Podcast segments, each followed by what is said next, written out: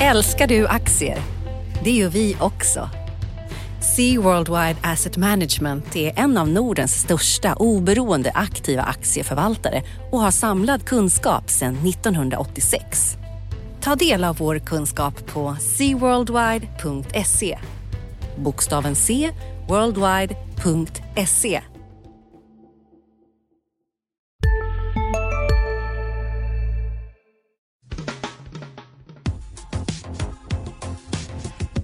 Analyspodden från Dagens Industri. Hej och välkomna till Dagens Industris analyspodd. Jag som pratar heter Love Strandberg och med mig på telefon idag har jag Henrik Mittelman. Yes. Hej Henrik, var är du någonstans?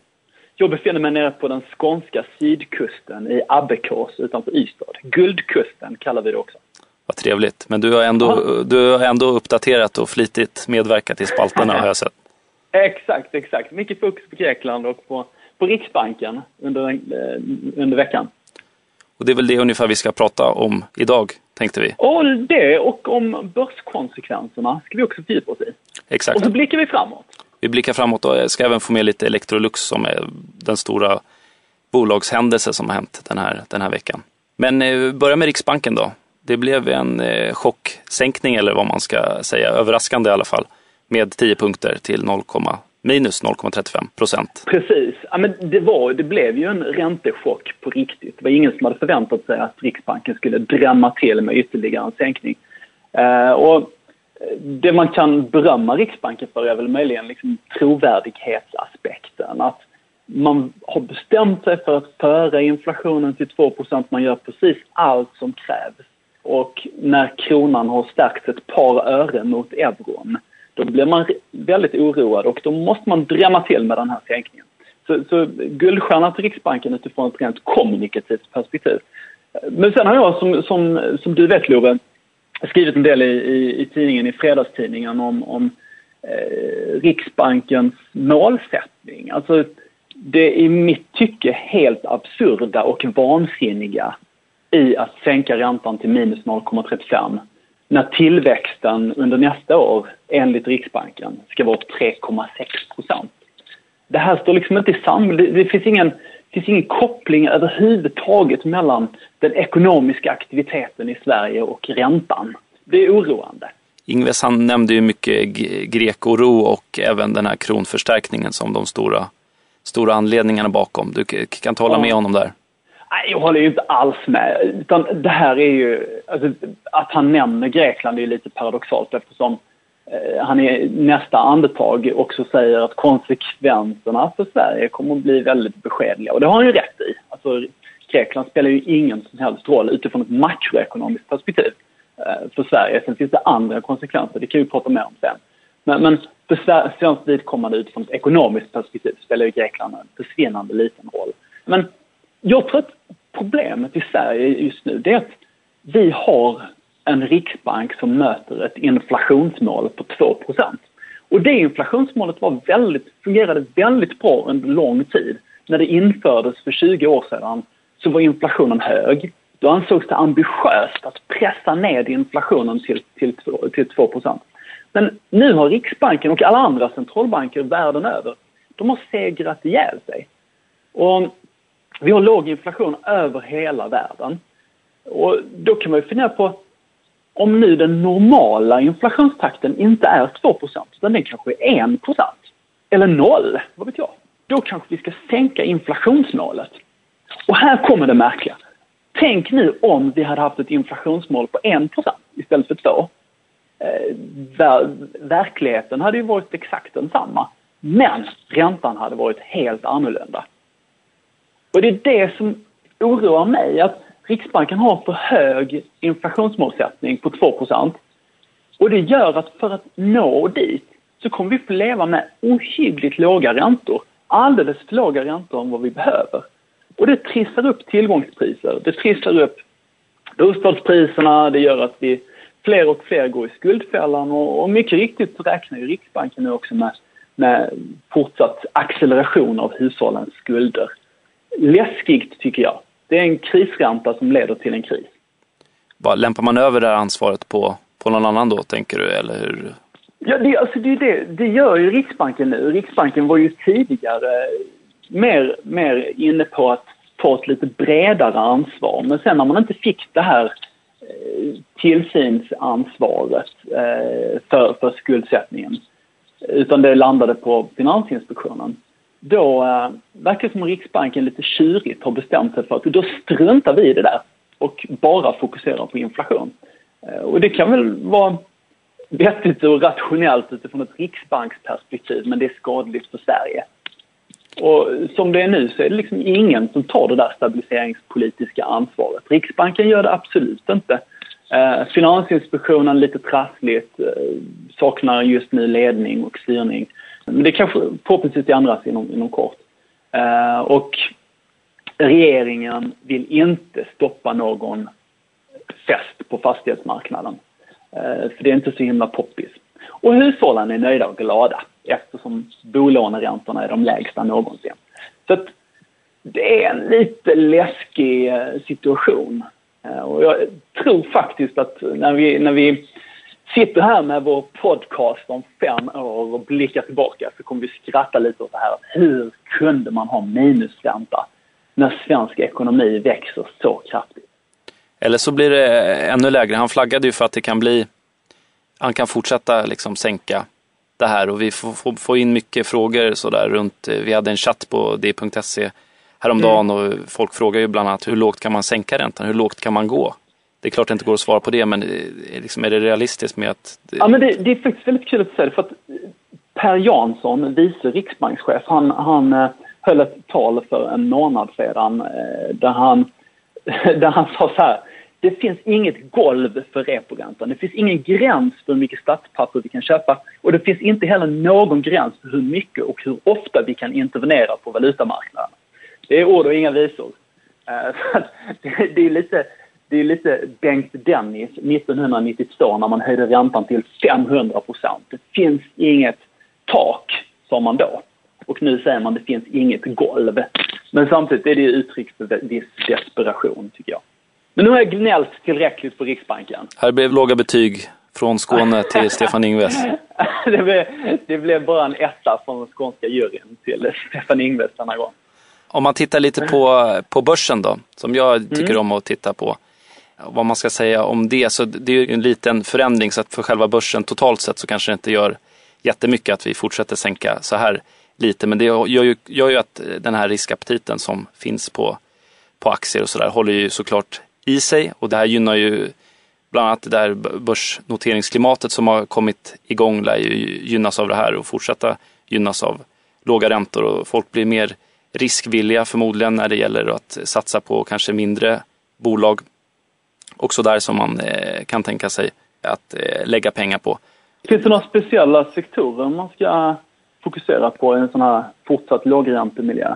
Alltså, men det är väl de klassiska liksom, cykliska eh, bolag som går går väldigt bra när det är så här låga räntor och just exportsektorn blir, blir ju väldigt, väldigt, det blir ju valutadoping när, när, när eh, mm. valutan trycks ner så mycket som den har gjort. Och man såg ju nu senaste första kvartalet så var det ju väldigt många storbolag som mycket av deras vinst berodde just på, på valutan.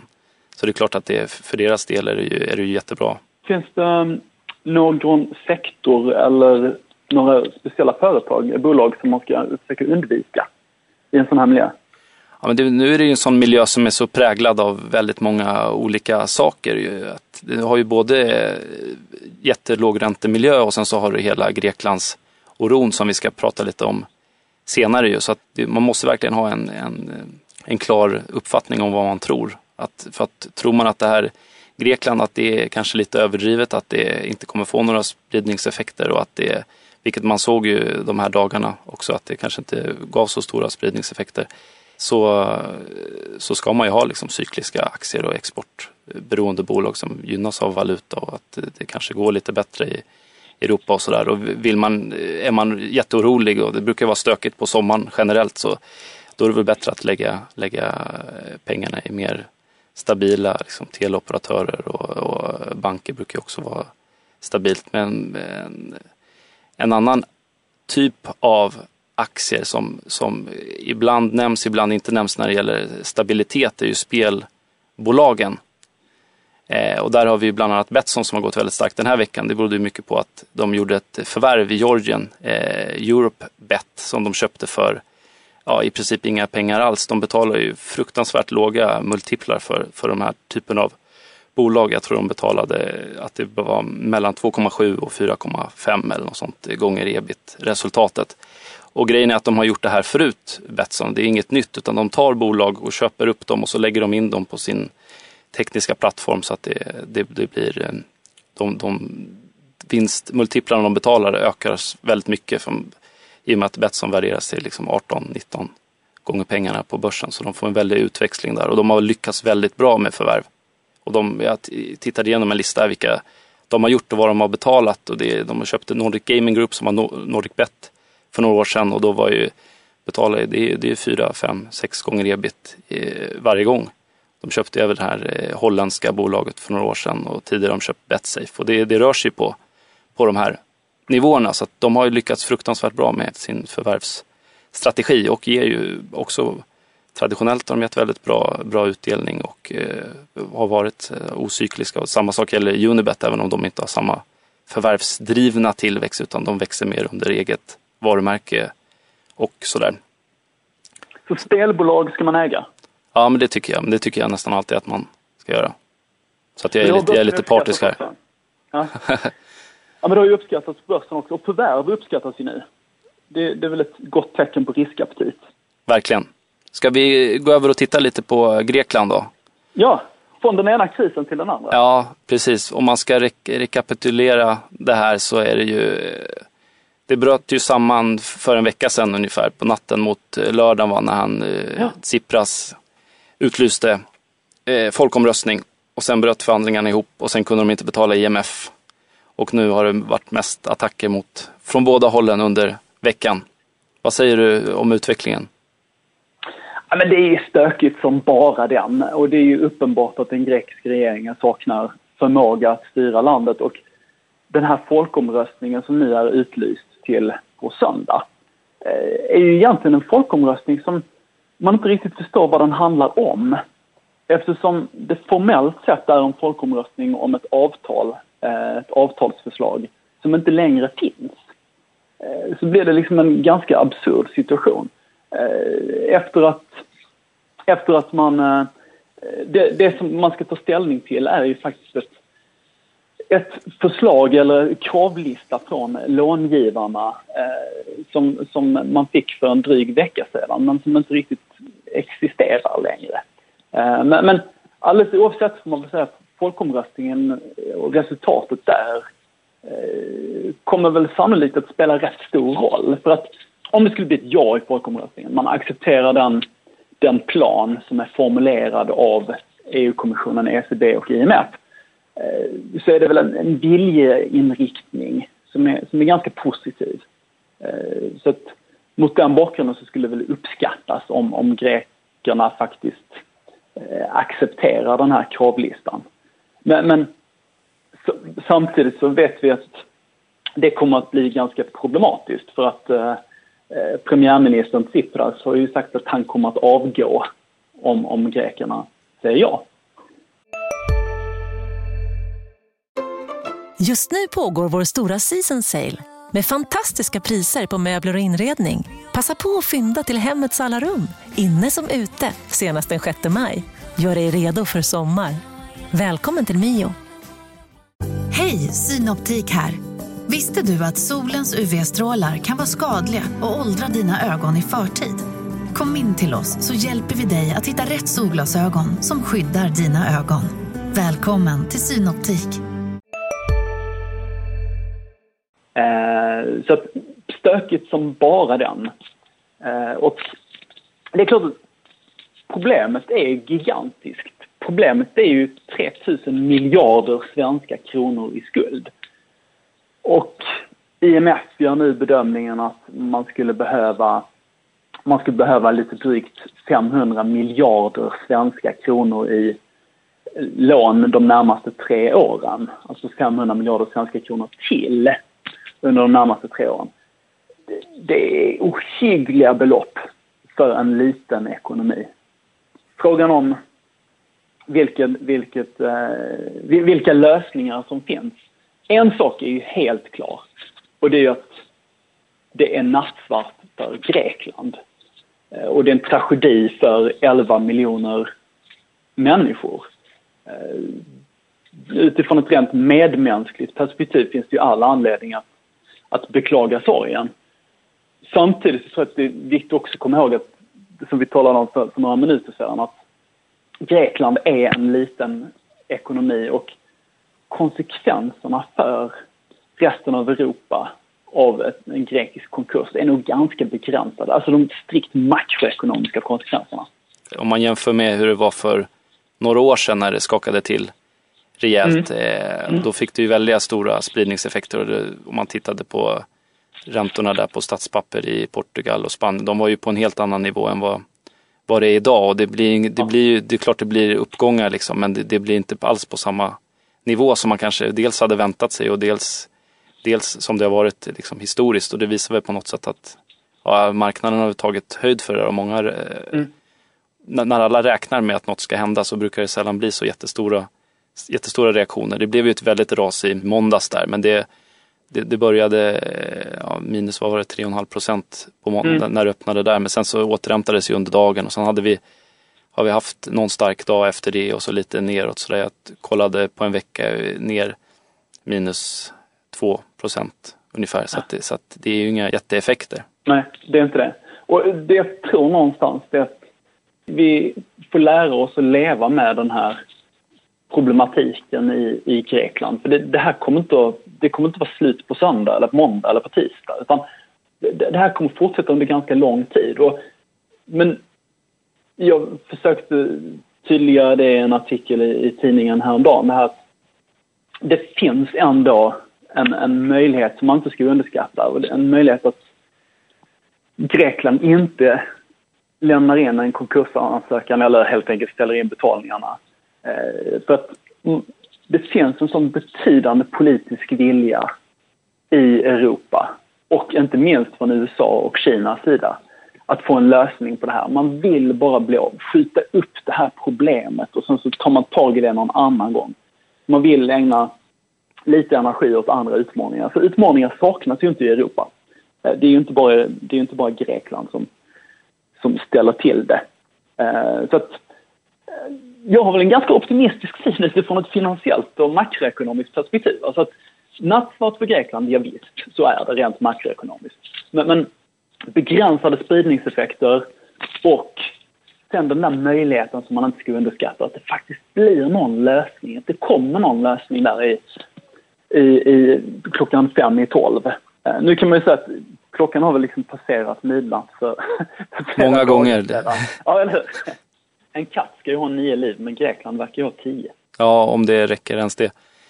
Men det blir spännande att se folkomröstningen där i, i helgen. Det, jag kollade några sådana här undersökningar nu på morgonen som hade kommit in och mm. då var det väldigt, väldigt jämnt. Det har ju varit tydliga ja-majoritet eh, tidigare men det, sen är det också oklart vad egentligen de ska rösta om. Det är ju inte, det är inget utträde de ska rösta om utan det är väl Nej. lite luddigt formulerat alltihop. Men det, jag hoppas att de reder ut det innan folk ska rösta. Men du Lova, om det nu skulle bli väldigt svängigt eh, nästa vecka. Om vi tänker oss att grekerna går på den populistiska varianten och faktiskt inte accepterar långivarnas villkor. Eh, och vi skulle få se lite, lite börsfall under veckan som kommer. Vad, vad är, finns, det någon, finns det någon krockkudde någonstans eller någon fallskärm man kan leta upp?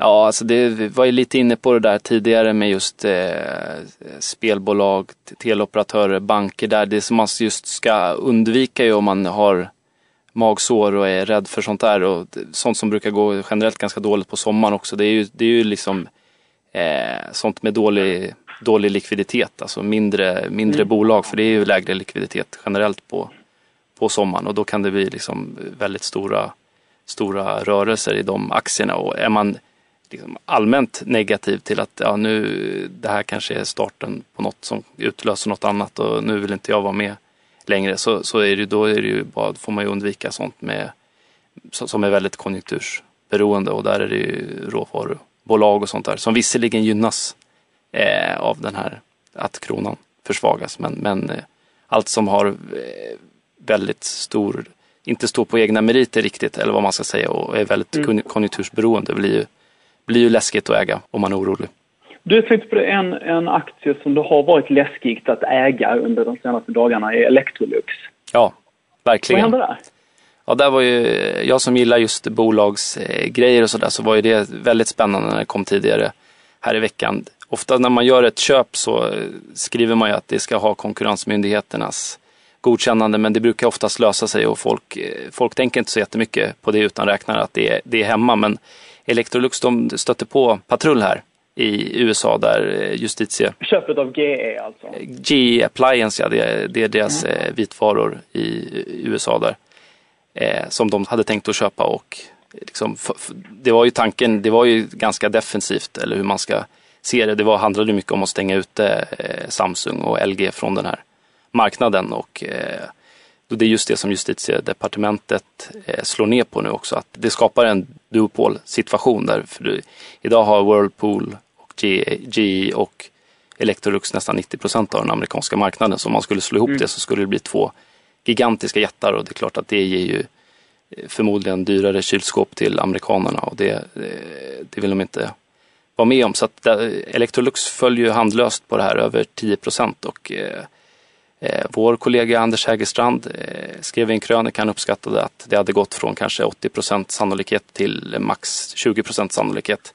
Och vi hade en annan artikel inne igår också där, som kollade lite på justitiedepartementet hur de har varit i liknande situationer tidigare och det visade sig att ja, det fanns statistik för eh, åren mellan 2004 och 2013 och då hade de avgjort 84 stycken liknande ärenden och då hade de vunnit alla utom en. Eh, mm. Justitiedepartementet då. Och, eh, så att det, det, såg ju brunt ut för Electrolux del. Sen så, samtidigt kan man ju komma ihåg att det de räknar som vunna kan ju eventuellt vara sådana där de har gått in och haft eh, haft synpunkter och så har de kommit fram till en del. Det kan ju bli så att man får sälja grejer eller hur man får, man får göra vissa strukturella, strukturella grejer så att man kan lösa det ändå. Men ja, det, det har ju risken har ju ökat betydligt för det här och det, har ju, det är en stor del av deras strategi också, Electrolux. Så det är ju ett, ett väldigt hårt, hårt slag för dem. Men de, de tror fortfarande att det kommer funka, men eh, vi får se. Men marknadens dom är nu klar? Och den, och den var hård. Vad är överraskningen framöver då? Om, jag menar, den föll 11 procent eller vad det var, mm. 9,8 i torsdags. Men, men om det nu mot all förmodan skulle bli ett, om köpet skulle gå igenom? Ja, ja men då ska den väl tillbaka igen då. Men det skulle inte du våga betta på? Nej, det, det tycker jag inte. Den har gått så fruktansvärt starkt den senaste tiden också, just mm. också efter det här förvärvet. Så det, det, det, tycker jag är lite obehagligt. Gigantiskt bakslag för bolaget, skrev Anders Hägerstrand i fredagens Dagens Industri. Ja, det får man hålla med om. Det summerar det ganska bra. Ska vi titta på vad som händer nästa vecka? Vad har du på ditt makrobord? Dessvärre är det ju lite så att nästa vecka är inte superspännande. Eh, vi har haft, det låter ju trist, alltså, vi har haft en spännande vecka. Eh, för att under, under den gångna veckan har vi fått massor med konjunktursignaler från både Europa och USA. Blickar vi framåt så är det inte så himla mycket att hänga upp i julgranen. Det är inköpschefsindex, eh, ISM, för tjänstesektorn i USA eh, som kommer på måndag. Eh, som väntas ha stigit något. Och man får väl säga att den amerikanska konjunkturen går från klarhet till klarhet just nu. Eh, inköpschefsindex i industrin, den vanliga ISM-siffran som man tenderar att fokusera mest på, Eh, steg under förra veckan. Och det här, faktum är att om man skulle titta på sådana historiska korrelationer mellan inköpschefsindexet och BNP-tillväxten så skulle den senaste siffran indikera tillväxt på över 3% i världens största ekonomi. Så det går ganska bra för USA och nu fick vi också eh, arbetsmarknads Just det, igår. Data, precis, som ju var bra. Inte fantastiskt på något sätt, men, men arbetsmarknaden tuffar på. Sysselsättningen fortsätter att öka i en ganska fin takt. Eh, och arbetslösheten har ju halverats under de senaste fem åren. Så att USA levererar på ett, på ett ganska bra sätt. Men som sagt, under veckan som kommer så får vi alltså bara eh, den här eh, inköpschefssiffran för tjänstesektorn och den brukar inte vara någon sån här våldsam, brukar inte få någon sån här våldsam, eh, påver- brukar inte påverka marknaderna på något dramatiskt sätt.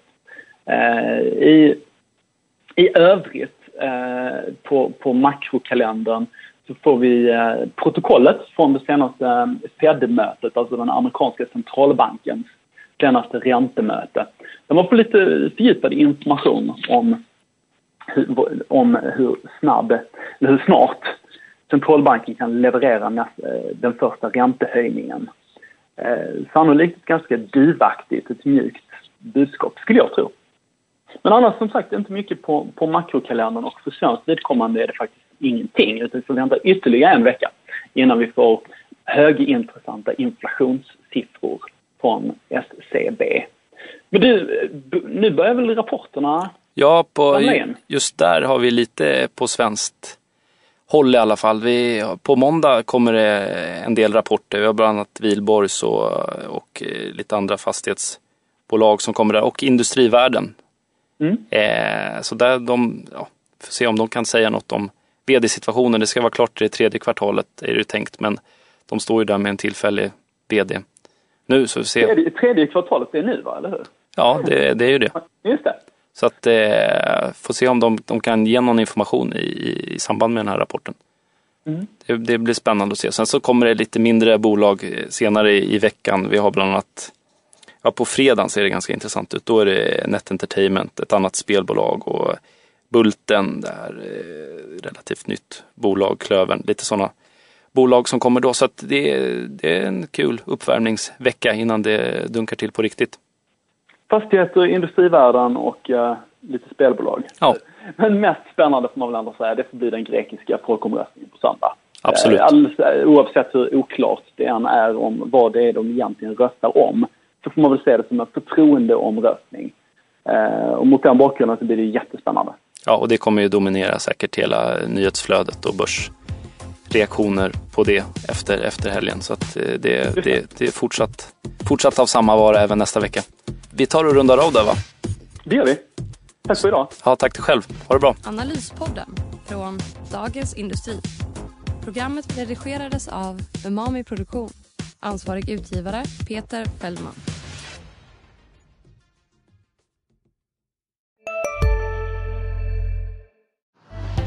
Älskar du aktier? Det gör vi också. Sea Worldwide Asset Management är en av Nordens största oberoende aktiva aktieförvaltare och har samlad kunskap sedan 1986. Ta del av vår kunskap på seaworldwide.se. Bokstaven C, worldwide.se